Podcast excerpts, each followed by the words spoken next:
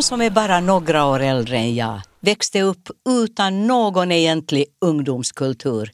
De klädde sig som sina föräldrar i kostymer och pressväxtbyxor och plisserade klänningar.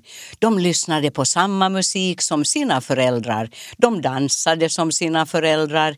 Men min generation, vi som är födda i mitten av 1940-talet, vi fick som de första tonåringarna uppleva en ungdomskultur som på alla tänkbara sätt gjorde revolt mot föräldrarna.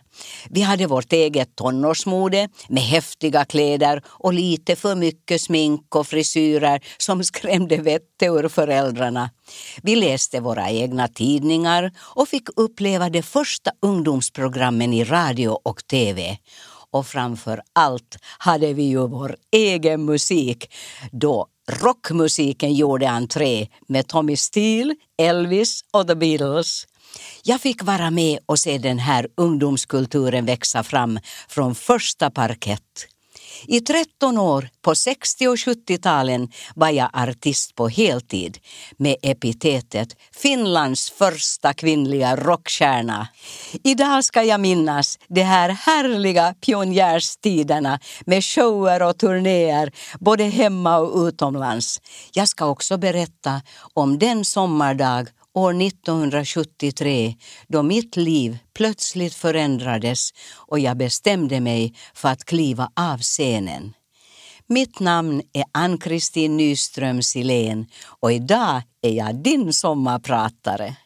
Jajamän, så där lät jag då det begav sig på det glada 60-talet.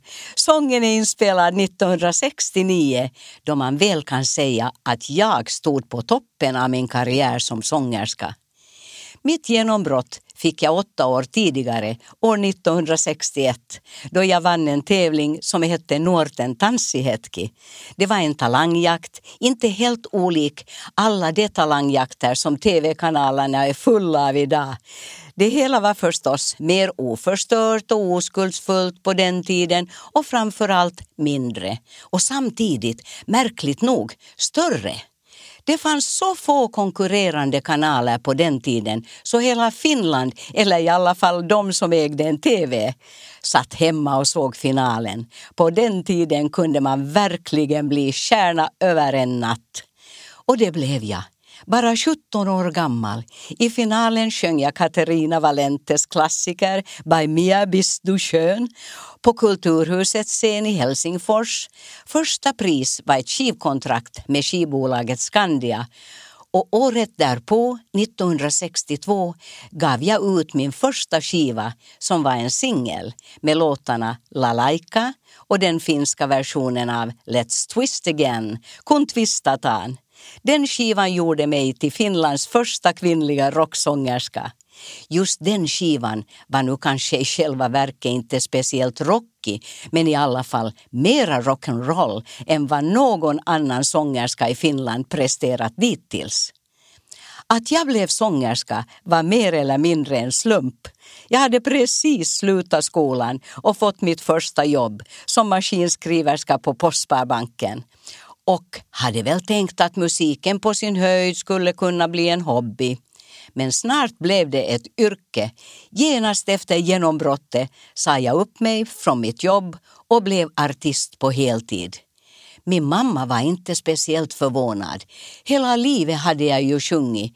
Inte så att jag hade uppträtt, men jag gnolade och sjöng alltid då jag var hemma medan jag klädde på mig eller bäddade sängen, städade mitt rum eller dukade bordet eller gick ut med soporna.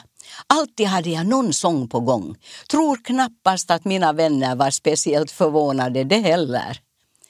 Två som däremot var förvånade över mitt yrkesval var min pappas vän och min sånglärarinna. Jag var mina föräldrars enda barn och speciellt min pappas ögonsten. Han var på ett sätt en mycket modern pappa, väldigt om sig och kring sig och engagerad i allt jag gjorde.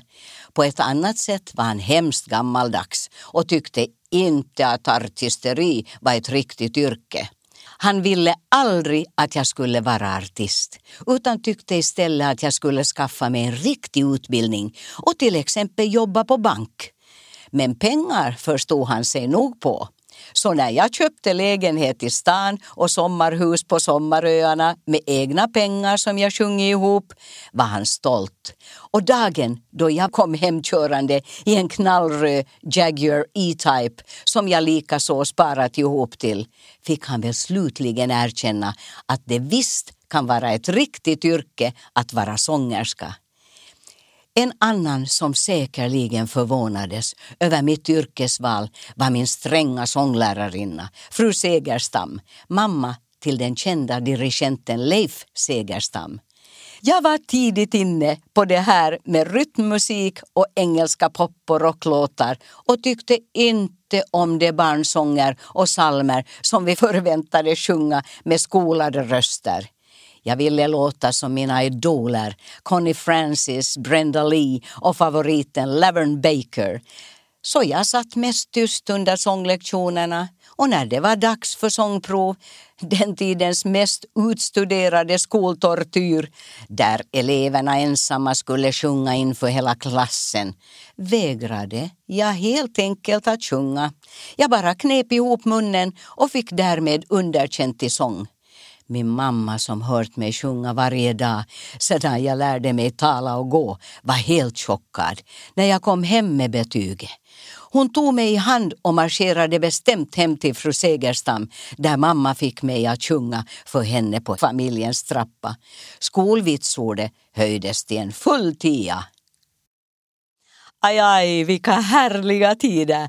Allting var så nytt då på 60-talet. Jag har många gånger önskat att generationerna efter mig, de som redan är vuxna idag och alla de som är tonåringar just nu, skulle ha fått uppleva den tiden.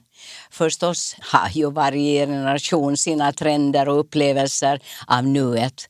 Hela den tekniska utvecklingen till exempel med internet och smarttelefoner och allt det där. Sånt som vi som var unga på 60-talet hade uppfattat som science fiction. Men jag har ändå en känsla av att det drunknar bland så mycket annat, ett överflöd av intryck.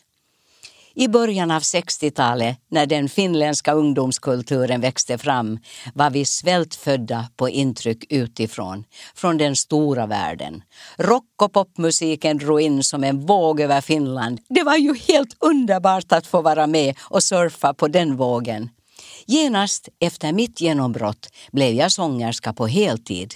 Jag turnerade land och rike kring, från Ekenäs i söder till Rovaniemi i norr. Det var danser och shower på nattklubbar, restauranger och danslavor. Överallt var det fullsmockat med ungdomar, klädda i minikjolar och polyesterpolon. Flickorna hade lösögonfransar och höga tupéer och killarna lät håret växa. Den äldre generationen stod oförstående och tittade på. Nöjesbranschen slukade mig med hull och hår. Jag jobbade mer eller mindre dygnet runt under 13 år. Och när jag var ledig umgicks jag med kollegor och de nya vänner jag fick i branschen. En god vän var kära Kalle, eller Carola Standerköld som ni säkert känner henne som. En av Finlands bästa sångerskor någonsin, som ju tyvärr insjuknade i minnessjukdom, bara drygt 40 år gammal. Jag samarbetade och umgicks med killarna i Four Cats, The Sounds, The Islanders med Danny i spetsen och Lenne and the Leakings. Min bästa vän blev den underbara Laila Kinnunen. Eller egentligen var hon mera än en vän. Hon var som en syster. Den syster jag aldrig fick, jag som var ensam barn. Genast när vi träffades sa det klick och vi började umgås alla lediga stunder. Jag var ofta hemma hos Laila och hennes första man Armando Fugaccia i deras hem på Rumsö. De älskade god mat, precis som jag. Och oj, oj, vilka underbara middagar de bjöd på. Italiensk mat var ingen vardagsmat i Finland på den tiden. Det var som att gå på lyxrestaurang när man fick smaka Nandos italienska läckerheter. På vintrarna sysslar vi med konståkning eller skönskrinning som man sa på den tiden. På somrarna var Laila och Nando ofta ute på vårt sommarnöje i Kylmälä i norra Kyrkslätt. Ett underbart ställe vid invid sjön Tampaja. Ibland hade Nando med sig sitt dragspel och kompade Laila som sjöng på verandan i solnedgången. Laila kom och gick som en dotter i huset. När jag, jag var ute på långa turnéer kunde Laila och Nando bo i vårt sommarhus tillsammans med min mamma och pappa. Hon blev nästan som ett extra barn för dem. Ett barn som de inte fick behålla. En syster som jag miste. Efter att Laila skilde sig från Nando och gifte om sig började hennes nedförsbacke som hela Finland kunde följa på löpsedlar och i den gula pressen. Det var fruktansvärda tider. Hon blev allt mer alkoholiserad och vi vänner stod bredvid och kunde inget göra. Finlands mest lyskraftiga och begåvade artist genom alla tider förändrades. Länge försökte jag hålla kontakt och hjälpa henne men till sist gick det bara inte. Vi tappade kontakten och det var en av mitt livs stora sorger. När Laila dog sen år 2000 hade jag redan sörjt henne i nästan 30 år. Laila Kinnunen på toppen av sin karriär.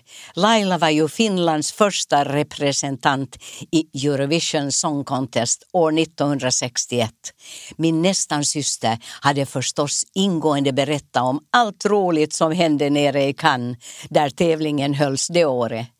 Det hade någonstans väckt en längtan inom mig att själv tävla i Eurovisionens schlagertävling. Men på den tiden var det en ganska högtidlig och uppstyltad tillställning. Det var ju en stor symfoniorkester som ackompanjerade.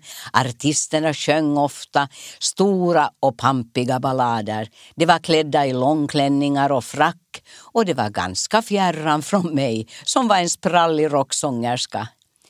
Vintern 1966 kontaktades jag av Ossi Runne som undrade om jag vill ställa upp i den finska Eurovisionsuttagningen. Visst, tänkte jag. Jag kan väl träffa honom och lyssna igenom låten. I samma stund som jag hörde sången visste jag att det här var min låt. Upptempo, pop poppig och med en rolig text om en Don Juan och en playboy som sångerskan, alltså jag, raljerande tackade nej till. Jag ställde upp i de finska uttagningarna och vann. På andra plats kom min kära låtsassyster Laila. Ett par andra goda vänner tävlade också det året. Carola Standardköld och Danny, likaså Lasse Mårtensson, Viktor Klimenko och Marjatta Leppänen. Kretsarna var ju inte så stora på den tiden. Jag fick alltså åka ner till Luxemburg och tävla för Finland i den stora finalen. Det var nog höjdpunkten under min karriär som sångerska. Vilket äventyr! Själva tävlingen gick bra så jag presterade så bra jag kunde och kom på tionde plats. Det var 18 länder som tävlade det året. Så på den finska skalan var det resultatet inte alls fy skam. Ännu idag är jag riktigt nöjd och stolt när jag ser på klippet. Men jag ser nog att jag var lite nervös. Just innan jag skulle gå på scenen drabbades jag en grym nervositet.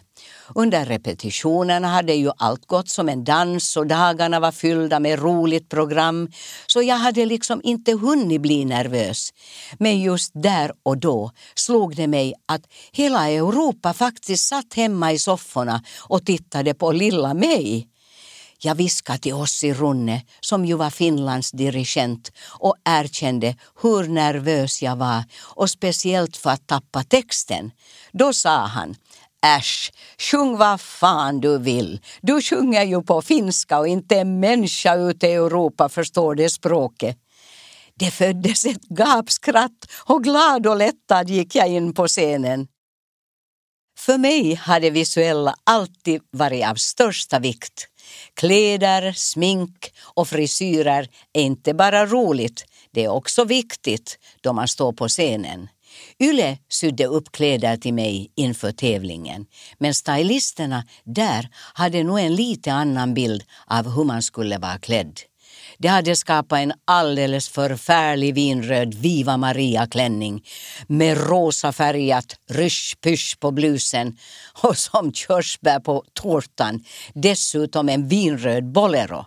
Jag såg ju inte klok ut. Jag ogillade kläderna från första stund och försökte övertala dem att ändra sig och ge mig moderna, trendiga, ungdomliga kläder som passade en rocksångerska.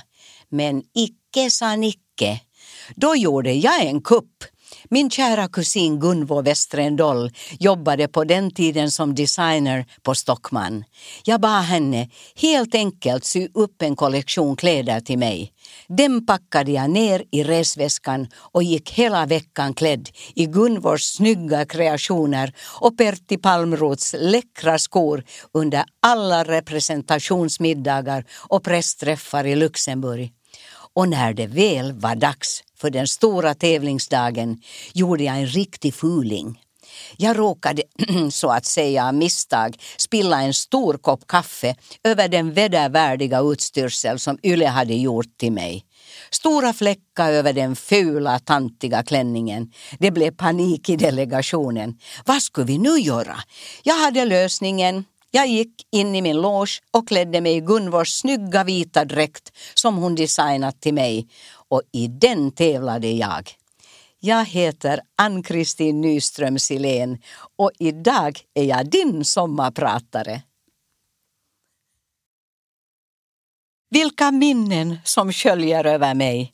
Låten Playboy gjordes av den legendariska dirigenten och kapellmästaren Ossi Runne som hela 22 gånger dirigerade Finlands bidrag i Eurovisionen. Han gjorde alltså både text och musik till min Eurovisionslåt och vi blev på kuppen goda vänner. Vårt gemensamma språk på den tiden var finska. Men sedermera, när jag flyttat till Sverige och gift mig med en svensk man, bytte vi språk till svenska. Och det visade sig att Ossi pratar en vacker och belevad svenska, så där som äldre personer ofta gör. Det som ännu hade glädjen att få läsa svenska i skolan i många år. Jag tycker att det är helt galet att man minskar språkundervisningen i skolan. Den borde tvärtom utökas och tidigare läggas. Språk är en rikedom. Själv talar jag svenska och finska och förstås engelska. Dessutom mer eller mindre flytande tyska. På 60-talet var jag faktiskt nere i Hamburg och spelade in en skiva på tyska, en singel med två låtar. På ena sidan min genombrottslåt La Laika och på den andra sidan en tysk version av Marion Rungs Eurovisionslåt Tipiti. Men jag trivdes aldrig med det tyska lynne och temperamentet så jag kom snabbt hem tillbaka. Fast det är en annan, helt annan historia. Men jag hann medverka i en stor direktsänd tv-konsert från Leipzig i Östtyskland och det var ett äventyr som hette duga. Jag flög från Finland med mellanlandning i Östberlin och därifrån vidare mot Leipzig. Jag möttes på flygplatsen av östtyska militärer och en ung kvinna i en lång skinnkappa överräckte ett stort tjockt brunt kuvert fullt med östtyska marksedlar. Massor med pengar som jag verkligen inte vågade ha med mig i handbagaget då jag skulle flyga hem. Så jag bestämde mig för att sätta sprätt på pengarna. Under en ledig dag i Leipzig hyrde jag en taxichaufför för en hel dag och åkte runt i staden på sightseeing. Det var grått och bedrövligt och gjorde inte direkt att min bild av Tyskland blev bättre. Folk såg lidande ut. I slutet av dagen gav jag en stor sedel i dricks till min taxichaufför som kört runt på mig hela dagen. Han blev alldeles tårfylld när han tackade och sa att den summan motsvarade en hel månads matutgifter för hans familj.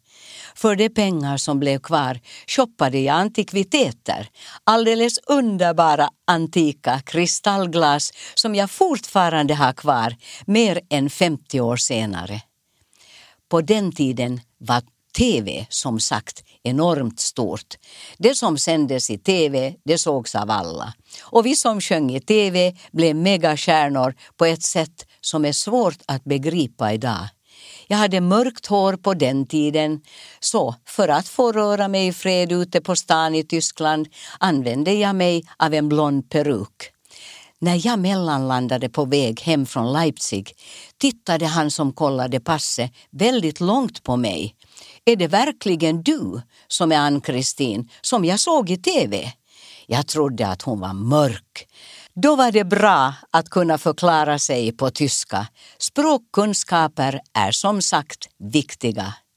Som barn och tonåring firade jag flera somrar nere i Italien hos min moster som hade sommarhus där. Under de somrarna lärde jag mig italienska och ännu idag sitter den. Det man lär sig som barn hänger med hela livet. Tidigare lägg språkundervisningen med andra ord. Under somrarna i Italien hittade jag en massa fina italienska låtar som jag förälskade mig i.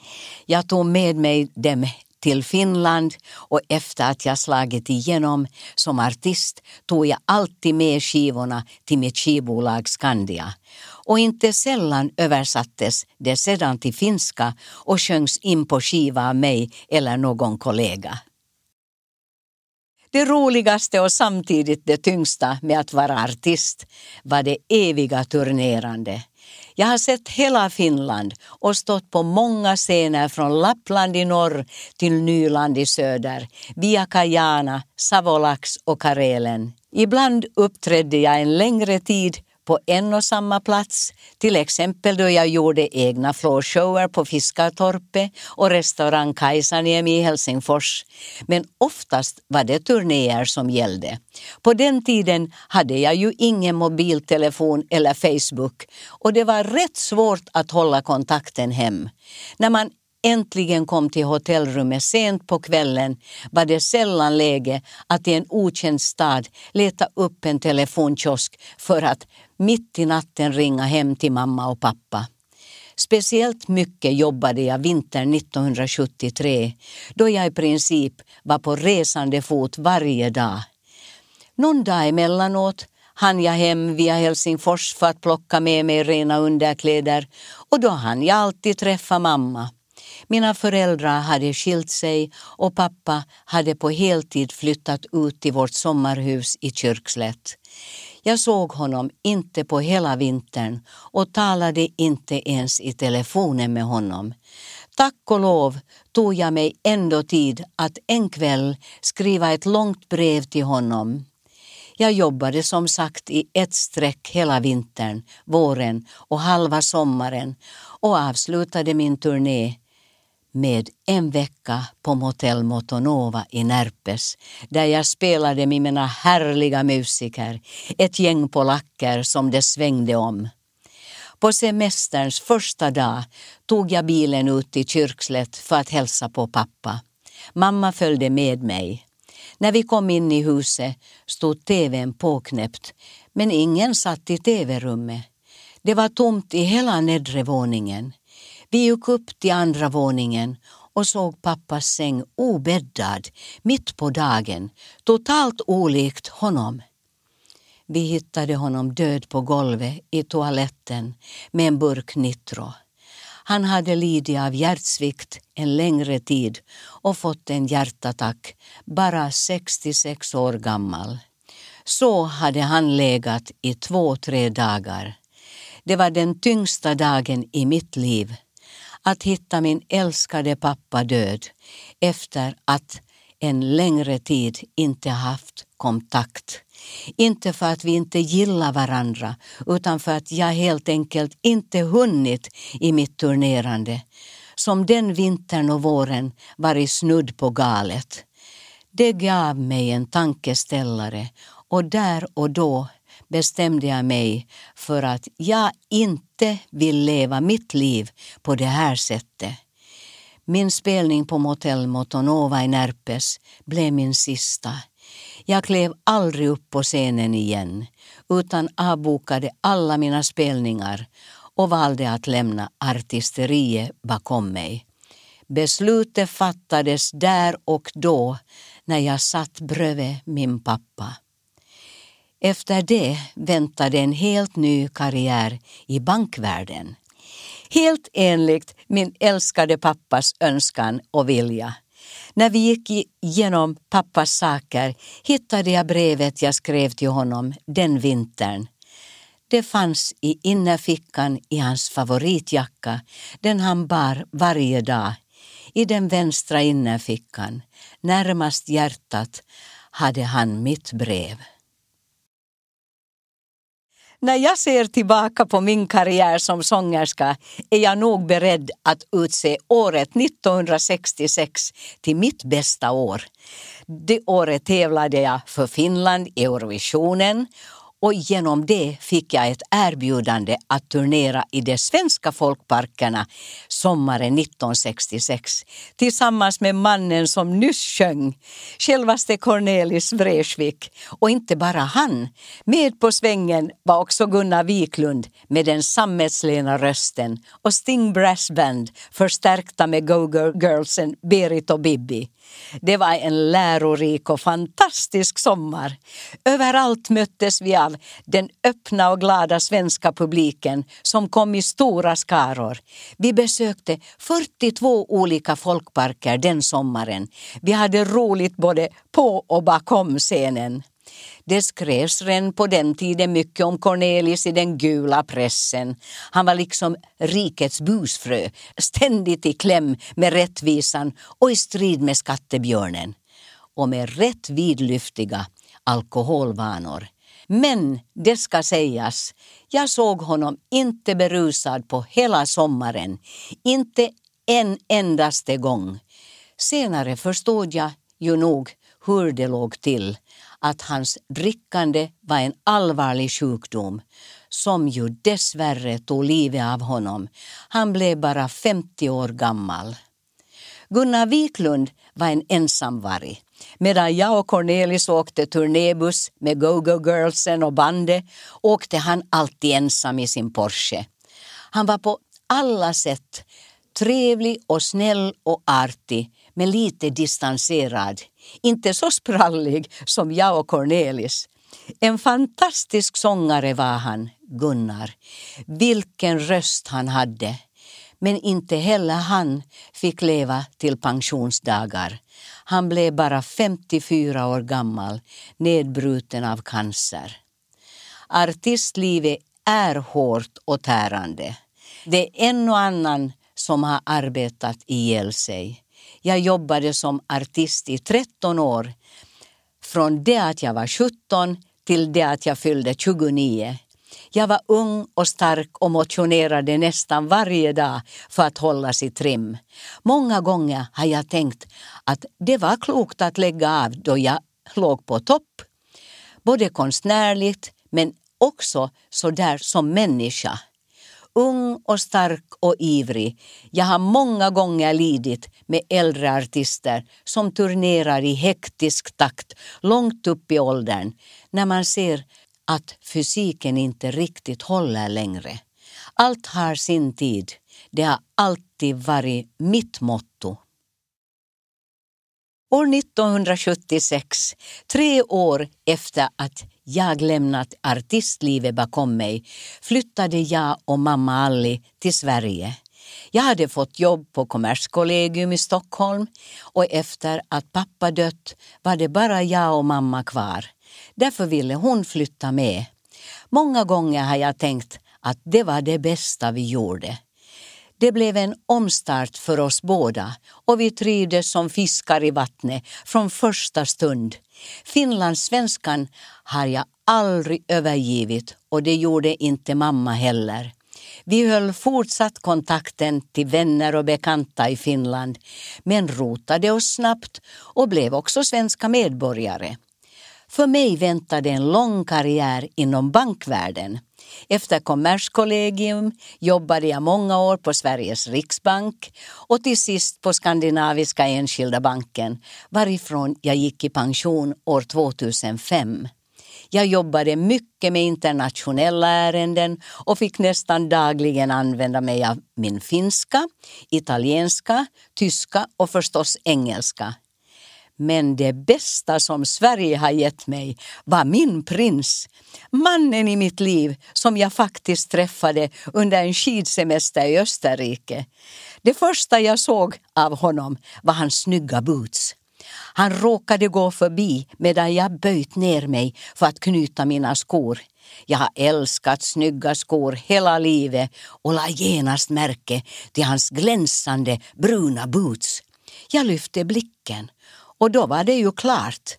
Där bara stod han. Vi blev ett par och har hängt ihop sedan dess. Det är nu 35 år sedan. Puss på dig älskade Arne och tack för all den kärlek du har gett mig. Jag tror att meningen med livet är att älska och arbeta. Och det har jag gjort. Jag har fått älska min kära make i många år. Jag har haft många nära och kära vänner. Jag har fått jobba hårt och det älskar jag. Först som sångerska och sedan inom bankvärlden. Helt olika karriärer med båda lika givande. Och jag har aldrig för en sekund ångrat någon av karriärerna. Varken då jag mot min pappas vilja blev Finlands första kvinnliga rocksångerska eller då jag enligt min pappas vilja lämnade artisteriet bakom mig. Några få gånger har jag gjort enstaka uppträdanden sedan dess och då oftast i tv-sammanhang här i Finland. Jag har uppträtt i musikprogram som Tutti Frutti och Slager på lager. Jag har gästat de finska Eurovisionsuttagningarna, sett på Hovis 60-talsshower och varit med och firat Ossi Runne som fick ett eget hyllningsprogram i tv då han gick i pension. För fem år sedan sjöng jag i ett helt slutsålt musikhus i Helsingfors när goda vännen Ilkka Lipsanen, alltså Danny, firade sin 70-årsdag. Men det hör till ovanligheterna att jag står på scenen.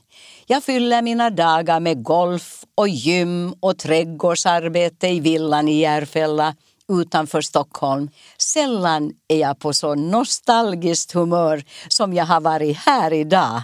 Jag är nästan alltid på strålande glatt humör och älskar att leva i nuet. Att få leva och vara frisk är ingen självklarhet när man uppnått min ålder och ingen garant för er som är yngre heller. Så ta nu vara på varann och njut av sommaren och livet tills det är dags att höja den sista skålen. Mitt namn är Ann-Kristin Nyström Silén och idag har jag varit er sommarpratare.